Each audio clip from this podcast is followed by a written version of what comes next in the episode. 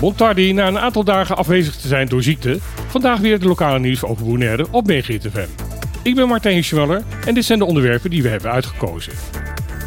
Na negen jaar burgervader van Bonaire te zijn geweest, heeft Enes Reino afgelopen zondag zijn vertrek als gezaghebber aangekondigd.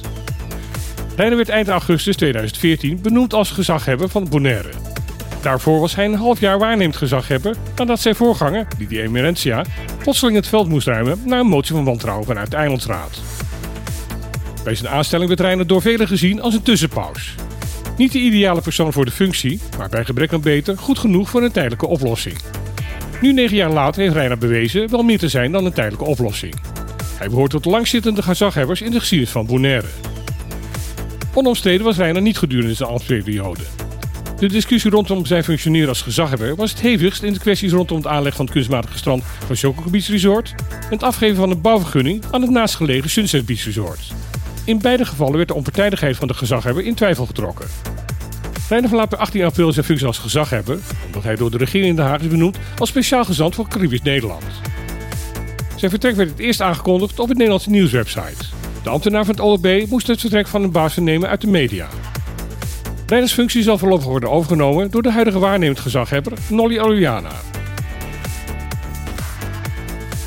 Met het besluit van de Centrale Verkiezingscommissie om de uitgebrachte stemmen niet te hertellen, is de uitslag van de Eilandsraadsverkiezing definitief geworden. De officiële winnaar is de Rode Partij PDB geworden, op de tweede plek is de Groene Partij UPB geëindigd en op de derde plek staat de Blauwe NPB. Net naast het podium staat de M21. Ondanks dat de PDB bijna een kwart meer stemmen heeft ontvangen dan de UPB, zullen door het systeem van de restzetels beide partijen drie zetels in de eilandraad gaan krijgen. NPB zal in de nieuwe eilandsraad met twee leden vertegenwoordigd worden en voor M21 zal er één vertegenwoordiger plaats mogen nemen in het plus van de vergaderzaal. Door deze zetelverdeling zijn er drie coalities mogelijk. Zo kan winnaar PDB een coalitie gaan vormen met zowel de NPB als de UPB. Daarnaast kunnen de NPB en UPB besluiten om de samenwerking van de afgelopen vier jaar voor te gaan zetten. M21 heeft daarbij de keuze om de komende vier jaar in de oppositie te gaan of zich aan te sluiten bij een van de gevormde coalities. Eind vorige week heeft de PDB de onderhandelaars van UPB uitgenodigd voor het beginnen van onderhandelingen. Het is nog niet bekend hoe de UPB op deze uitnodiging heeft gereageerd. Wel was er al eerder bekend geworden dat de UPB al in gesprek zou zijn met de NPB. Het komende schooljaar zal de MBO Bonaire twee nieuwe opleidingen voor autotechniek gaan aanbieden. Afgelopen decennia heeft de techniek van de mobiliteitsbranche zich snel ontwikkeld.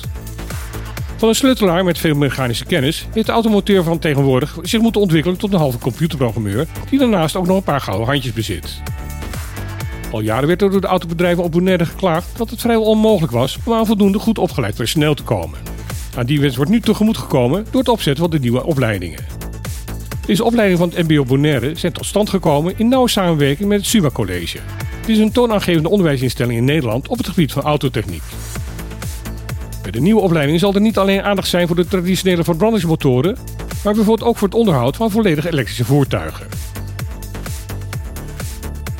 In het parlement van Curaçao heeft een toespraak van statenlid Juniel Carolina voor veel verbazing en verontwaardiging geleid. De parlementariër van de regeringspartij MFK betoogde in zijn spreektijd dat het eigenlijk jammer is dat de bijna 30.000 kilo drugs die vorig jaar door de kustwacht en de Koninklijke Marine in beslag zijn genomen, allemaal vernietigd gaat worden. Volgens hem kan de Curaçao deze geconfiskeerde handelswaar beter verkopen.